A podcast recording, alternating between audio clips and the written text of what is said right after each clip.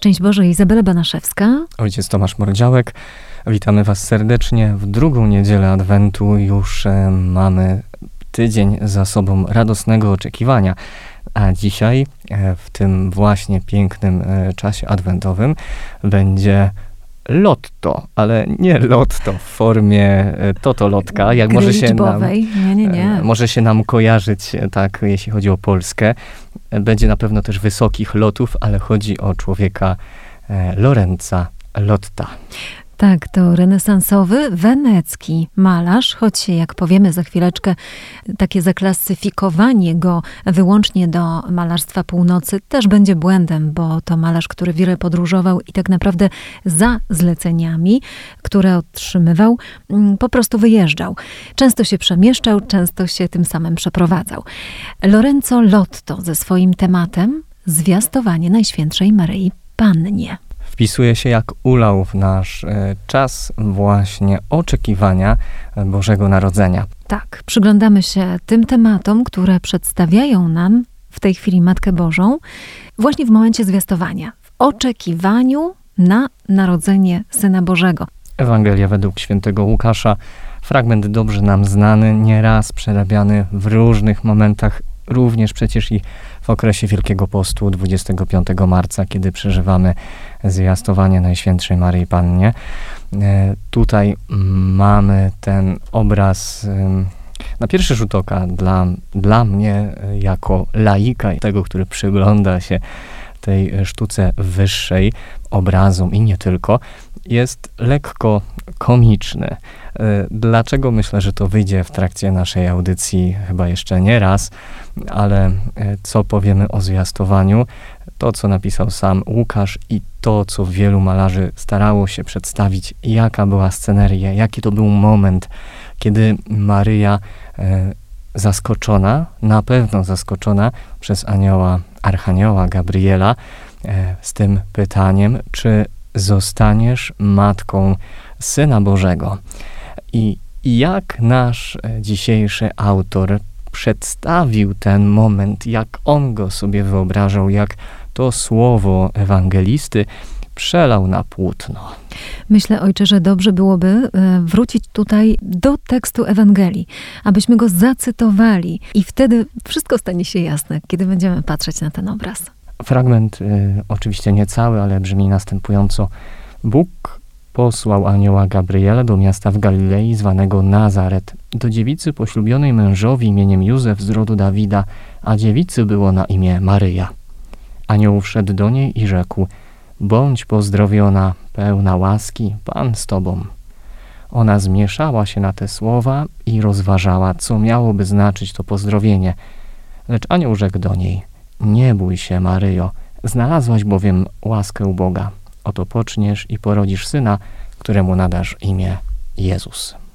Nie bój się, Maryja. Myślę, że od tych słów powinniśmy wyjść i myślę, że śmiało artysta mógł podpisać ten obraz właśnie tymi słowami. Nie bój się, Maryjo, oto znalazłaś łaskę u Pana. Przepiękny, liryczny i pełen wdzięku obraz. Przede wszystkim może umiejscowmy go w czasie, jeśli chodzi o sztukę. E, Lorenzo Lotto to e, malarz wczesnego Cinquecenta e, weneckiego, a więc e, znajdujemy się w tej chwili na przełomie XV i XVI wieku, właśnie na północy Włoch. Tam oczywiście kwitnie renesans. Lorenzo Lotto, jak już wspomniałam, to malarz, który będzie często podróżował. To jego podróżowanie przyniesie ogromną elastyczność stylistyczną. To znaczy, będzie czerpał z dorobku innych artystów, będzie potrafił wzorować się także na malarzach flamandzkich, na malarzach niderlandzkich i e, dzięki temu częstemu właśnie przemieszczaniu się wprowadzić do swoich obrazów taką nowomodę. Coś w rodzaju eklektyzmu dzisiaj byśmy powiedzieli, choć eklektyzm jednak e, kojarzy nam się pejoratywnie. Chodzi o połączenie różnych stylistyk w jednym obrazie. To połączenie wychodzi mu tutaj bardzo dobrze i chociaż nigdy maluje tak naprawdę na styku epok, kiedy kończy się nam renesans i już rozpoczyna się era manierystyczna, ona będzie trwała dużo krócej, on takim typowym manierystą nigdy nie będzie. Ale jeśli chodzi o renesansowe patrzenie na jego obrazy, no też się nie wpisuje w ten renesans idealnie. Działa na styku. Trochę go to zgubi, bo nie będzie do końca, on oczywiście e, będzie malarzem niezwykle znanym, będzie otrzymywał mnóstwo zamówień, będzie malarzem przede wszystkim religijnym, choć także i portrecistą. Maluje głównie dla kościołów i na prywatne zlecenia. Utrzymuje również e, pewne kontakty z e, Tycjanem, który e, maluje również na północy Włoch, z rzeźbiarzem i architektem Jacopo Sansovino we Florencji. Przyjaźni się z wieloma artystami, ale poprzez to, że często zmienia jednak te miejsca zamieszkania, takiego jednego swojego miejsca nie będzie miał, no i praktycznie do śmierci go nie znajdzie. Będzie pod koniec życia no zupełnie samotny, odosobniony, umrze w klasztorze oblatów, także jako oblat, a więc e, pod koniec swojego życia e, stanie się jednym z braci zakonnych. Bardzo ciekawa osobowość, ale przede wszystkim ta osobowość dla nas ważna również z tego powodu, że rozumienie pobożności w twórczości Lotta skłaniało go do poszukiwania oryginalnych rozwiązań artystycznych. Stąd e, te elementy manierystyczne, które u niego w obrazach wychwycimy za chwileczkę, które w renesansie się nie mieściły, jak na sam manieryzm, były zbyt subtelne, były zbyt delikatne, więc manierystą absolutnie nazwać go też nie można to właśnie bardzo ciekawy artysta. Na styku dwóch epok działający. Więc mamy go już umiejscowionego mniej więcej jeśli chodzi o rozwój linearny sztuki. Natomiast teraz spoglądamy sobie na ten obraz i widzimy już, że wprowadził tutaj kompletną rewolucję, jeśli chodzi najpierw o schemat. Może ojcze, opiszmy, spróbujmy opisać ten obraz. My oczywiście e, zachęcamy Państwa do odnalezienia go na naszym radiowym Facebooku. Mm, obraz jest prezentowany. Mówimy to do wszystkich tych e, z Państwa, którzy nie mogą sobie w tej chwili mm, otworzyć jakiegoś albumu e, z dziełami sztuki renesansowej. Prezentujemy zawsze nasze obrazy na Facebooku. Ojcze, spróbujmy opisać. Mm, ja bym zaczął od tego nawet kwestii opisania wręcz pewnego poczucia. Wyobraźmy sobie, że jesteśmy mhm. zaczytani w jakiejś książce albo działamy. Mm, nie wiem, zmywamy naczynia, y, podejmujemy jakąkolwiek inną pracę, w której jesteśmy wręcz e, zanurzeni, zagłębieni mhm. i nagle puf, bo to tak to trzeba byłoby, nie wiem, jakby ptak uderzył, nie wiem, w okno, wleciał i nie wiemy, co się dzieje, tak? Mhm. Jesteśmy lekko wystraszeni, przestraszeni, co się dzieje, w jaki sposób. Pewna dynamika, nagłość spotkania, wydarzenia. To widzimy w obrazie Lorenza, gdy na niego patrzymy. Mamy Maryję, którą za plecami widzimy e, księgę. Oczywiście my domyślamy się, że e, wczytuje się w Słowo Boże. E, jest obrócona do Archanioła Gabriela tyłem. Ręce ma złożone, e, ręce ma rozłożone, przepraszam, w takim geście właśnie lekkiego przestrachu. Co się, co się dzieje? Co się wydarzyło?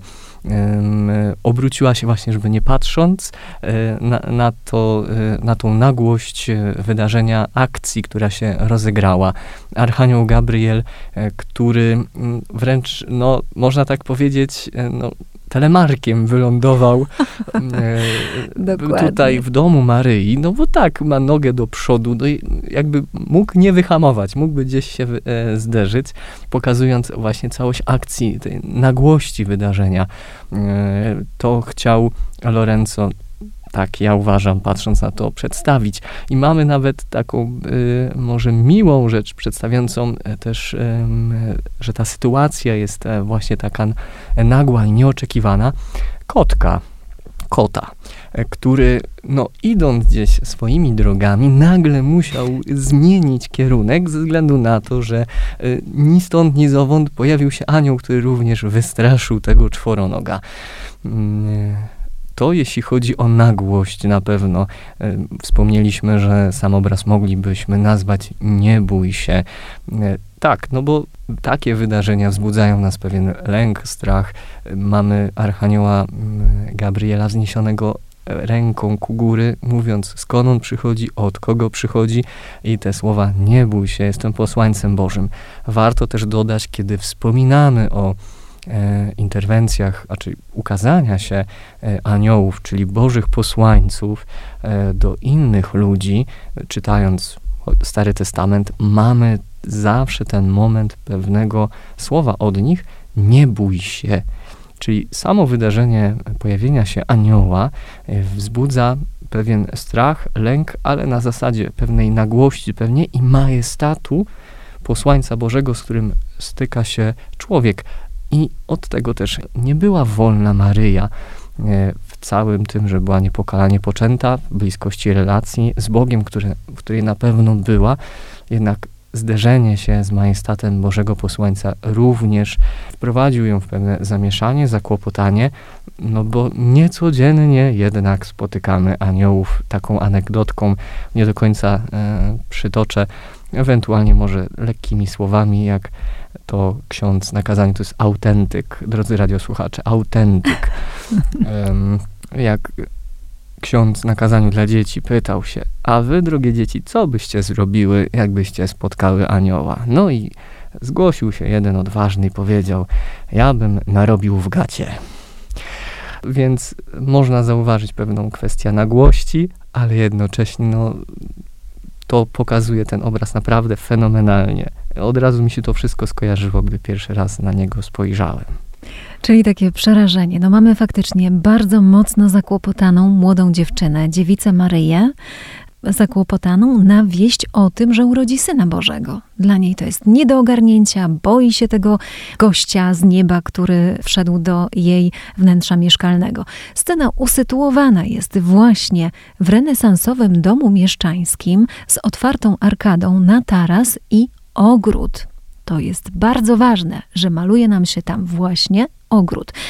I już tutaj wyjaśniam, dlaczego jest ważne, ponieważ mówi nam o dziewictwie Maryi. To jest tak zwany średniowieczny hortus conclusus, mówiący o tym, że Maryja dziewicą była i po urodzeniu Jezusa dziewicą pozostaje. Oczywiście w tym ogrodzie charakterystyczne symbole.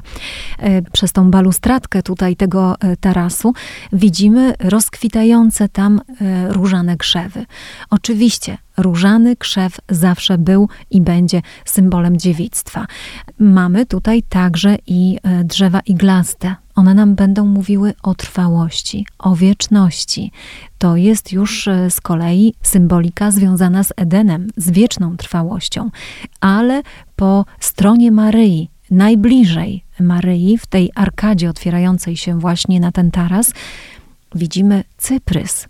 Drzewko cyprysowe to było tak zwane już od Homera, od czasów homeryckich, nazywane było drzewkiem smutku. To jest oczywiście symbol żałoby, który sugeruje nam, co się później stanie, co się wydarzy. On mówi nam o smutku, o boleści, która przeszyje Maryję. Więc e, te wszystkie szczegóły, które mamy zapisane w tym krajobrazie, dalekim krajobrazie, e, we wnętrzu otwartej arkady, są bardzo ważne. Przejdźmy teraz do lewej strony obrazu. Tam znajduje się łoże, widzimy fragment łoża. Pulpit z, ze Słowem Bożym, z otwartą księgą, przy którym modliła się jeszcze przed chwilą Matka Boża. Ona na tym pulpicie nadal klęczy, ale jest odwrócona w tej chwili tyłem do Biblii, z otwartymi dłońmi i wzrokiem skierowanym dokładnie na nas, na oglądającego. To nam sugeruje przede wszystkim, po pierwsze, ten strach, o którym ojciec mówił, po drugie, nagłość sytuacji, a po trzecie, daje nam do zrozumienia ten wzrok Maryi skierowany wprost na nas, dokładnie na wysokości e, naszych oczu, na horyzoncie tego obrazu. Ten wzrok mówi nam o tym, że to my przyłapaliśmy teraz tego anioła, który właśnie wkradł się do wnętrza mieszkania Matki Bożej. To my ukradkiem przyglądamy się tej scenie, jesteśmy jej świadkiem. Dlatego tak wyraźne są te wszystkie doznania emocjonalne odbierane przez Matkę Bożą, tak mocno je artysta tutaj wyraził, abyśmy my razem z nią mogli je współodczuwać to przez to właśnie obraz wygląda dla nas troszeczkę humorystycznie, prawda? No i mamy tutaj dalej kolejne szczegóły, jak gdyby tego wnętrza e, mieszkalnego. Pojawia nam się tutaj lampka oliwna, pojawia nam się również i świeca. One wszystkie będą skierowane i, i znajdują się po stronie Matki Bożej, a więc znów będą mówić o jej czystości. Teraz w linii, e, którą wyznacza nam ogród i anioł, klęczący z kolei z prawej strony obrazu, tutaj od razu wyjaśnię, że strony w obrazie zostały tutaj zmienione. Dlatego mówiłam już na e, samym początku, że artysta tutaj zrewolucjonizował troszeczkę to przedstawienie. Generalnie w obrazie Maryi przysługuje zawsze strona lewa. Natomiast aniołowi prawa. My oczywiście oglądający widzimy, e, widzimy scenę odwrotnie, tak? Natomiast e, e, prawdopodobnie artysta musiał się tutaj jak gdyby wzorować na odwiecznym ustaleniu stron, które to mówiły, że prawy, czyli deksta, reprezentuje stronę boską, a lewy, czyli sinistra, człowieczą. I być może tym zainspirowany Lorenzo Lotto, podkreślam, że był bardzo pobożnym człowiekiem, no jak gdyby daje nam tutaj do zrozumienia, że zaraz, zaraz poukładamy to, y, ten schemat, znaczy odwrócimy ten schemat i ikonograficznie poukładamy to w inną stronę. A zatem teraz spójrzmy na linię, którą wyznacza nam anioł. Hortus conclusus otwartą arkadą. I co wyżej? Wyżej mamy pojawiającego się nagle w obłoku Boga Ojca z otwartymi również ramionami, skierowanymi do Maryi. On no wskazuje. I czy te ręce są otwarte? Bo jak ja patrzyłem otwarte, na ten czy... obraz, to ja mhm. patrzę, no Bóg Ojciec ma te ręce skierowane do Maryi, albo żeby na nią wskazuje, albo w, w geście takim proszę zgódź się, powiedz swoje fiat na tą propozycję. Albo podpowiadając aniołowi, to ta, to do, ta. Dokładnie, to ja tam przyjść. otwartych rąk kompletnie nie widzę. Tak, ale tutaj widzimy jeszcze, mm, pamiętajmy, że są to czasy renesansu i tutaj artysta, jeśli chodzi o perspektywę, to ona już jest wykreślona właściwie w tym obrazie. Jeśli chodzi o perspektywę tą architektoniczną, widzimy głębiej, wszystko jest w porządku. Natomiast jeśli chodzi o skróty perspektywiczne, to widać, że tutaj sobie jeszcze artysta nie radzi. Również e, mamy pewne zamieszanie z proporcjami, ponieważ sylwetka Boga Ojca, którego widzimy w trzech czwartych, absolutnie proporcjonalnie nie odpowiada postaciom z pierwszego planu prawda? Czyli Maryi i aniołowi. Głowa anioła też jest stosunkowo niewielka w porównaniu do głowy Matki Bożej. Też tutaj pewne nieścisłości proporcjonalne występują. Skrót perspektywiczny niedoskonały, jeśli chodzi o klęczącą Maryję. Tutaj też byśmy się mogli troszeczkę przyczepić. Ale jeśli te e, drobiazgi, e, jeśli chodzi o e, skróty i proporcje zostawimy i spojrzymy wyłącznie na schemat, to mamy tutaj w jednej linii Boga Ojca, e, zamknięty ogród który jest symbolem dziewictwa Maryi i niezwykle czystego anioła, bo oczywiście jest to duch Boży, który dodatkowo trzyma w dłoni lilię, symbol czystości, skierowaną oczywiście dla Maryi. To dla niej przynosi tę lilię. Lilia zawsze w obrazach e, będzie symbolem czystości, niewinności, choć także i kobiecego wdzięku. E, ta lilia, którą trzyma w dłoniach archanioł Gabriel, który przychodzi zwiastować Maryi e, nowinę, zwykle ma trzy pąki u góry. I tak się składa, że nasza lilia w obrazie również takie trzy nierozwinięte pąki w obrazie ma. No jest poniżej czwarty, ale to już jest in, inna linia pierwszej linii są trzy e, nierozwinięte pąki. Oczywiście symbol Trójcy Świętej, żeby to e, było jasne. No i e, można powiedzieć, że dodatkowo taki humorystyczny akcent to oczywiście ten wystraszony kociak, którego mamy w samym centrum obrazu, bo jest na środku, prawda? Dokładnie pomiędzy Matką Bożą a Aniołem. Na co tutaj jeszcze warto spojrzeć? Otóż Spójrzmy na anioła Gabriela. To jest jedyne takie przedstawienie, jakie znam, gdzie on klęka przed Matką Bożą, e, pokazuje nam przez to obnażoną jedną swoją umięśnioną nogę, prawą rękę kieruje w górę. Cóż to za gest? Skąd on się tutaj wziął? W ogóle dlaczego nam proporcjonalnie do Matki Bożej nie pasuje? Prawdopodobnie wzięło się to stąd, że jest on żywcem przeniesiony ze sceny dworskiej jakiegoś średniowiecznego e, schematu malarskiego. I to by nam wówczas bardzo pasowało, ponieważ jest on tutaj przedstawiony w geście e, no, takiego młodzieńca adoratora ze średniowiecznego obrazu, który przedstawiony zostaje w scenie zaręczyn. Więc mamy tutaj jeszcze dodatkowe znaczenie w tym obrazie, prawda? No niejako Maryja zostaje zaślubioną w pewien sposób e, Bogu Ojcu. Tak, zgodzę się jak najbardziej. Istotny moment dla dziejów zbawienia, bo ten moment zwiastowania, ten moment decyzji Fiat Maryja, e, gdzie faktycznie już wtedy e, incarnatus est, słowo stało się e, ciałem. Jeśli chodzi o naszą wiedzę z zakresu biologii na obecną e, chwilę i tak dalej, no to wiemy, że człowiek jest już od momentu tak zapłodnienia i tak dalej, już jest człowiekiem, czyli już wypełnia się obietnica raz protoewangelii, którą mamy w Księdze Rodzaju, że przychodzi Mesjasz, a wszystko to związane z decyzją jednej, prostej e, kobiety, która, trzeba to też powiedzieć, na pewno zagłębiona i zakochana e, po uszy e, w Bogu. Patrząc na pewno na ten obraz, nie możemy uniknąć też pytania o własne zwiastowanie, o własną Bożą interwencję w naszym życiu, gdyż każdy z chrześcijan przeżywa swoje zwiastowanie i to nie jedno. Niekoniecznie musi ono być spektakularne w postaci przybycia anioła i musimy się totalnie przerazić, ale na pewno jest to moment y, słów Bożych, które mogą wydawać się nam nieraz jako może jakie pewne wyobrażenia, jakieś nasze własne wymysły, ale odpowiadając im, mówiąc im tak, e, widzimy, że później dzieją się rzeczy niesamowite. Oczywiście mówię o, o tych braciach i siostrach w wierze, którzy starają się jak najbardziej żyć y, głębią wiary, być przy Bogu szczerym sercem. Oczywiście dla innych y, również przychodzi taki moment, może mniej zaskakujący, chociaż kto wie, niespodziewany, że przyjdzie moment. Słuchaj, albo tak, albo tak, ta lub ta droga, ty wybierasz, twoja decyzja.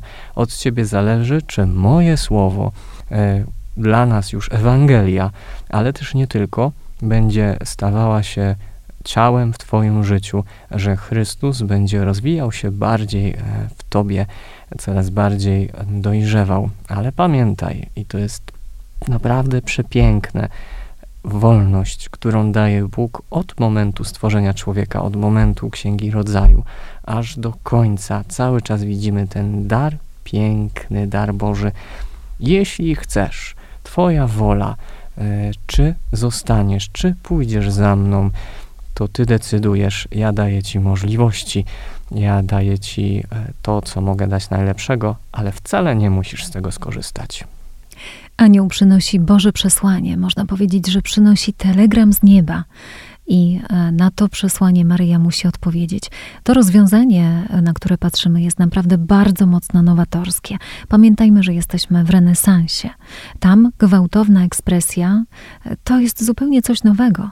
Tego jeszcze do tej pory nie było, więc widać, że lot to poszukuje nowych rozwiązań. Dlatego mówiliśmy, że pobożność artysty wpływała na kompozycję w obrazie. On poszukiwał oryginalnych rozwiązań artystycznych on nigdy nie przystąpił do e, bardzo popularnego wówczas ruchu reformatorskiego w kościele, ale był zwolennikiem bardzo bezpośredniej, takiej osobistej więzi z Bogiem i widać, że robi wszystko, by nas do niej przekonać. I kończąc, e, przeżywając tą drugą niedzielę Adwentu, przygotowując się na piękne uroczystości narodzenia e, naszego Pana Jezusa Chrystusa, Życzę Wam, abyście się dali zaskoczyć Bożej interwencji, Bożemu Słowu, tak jak Maryja, która zaczytana w Jego Słowo niespodziewanie miała okazję spotkać się z Archaniołem Gabrielem i my niespodziewanie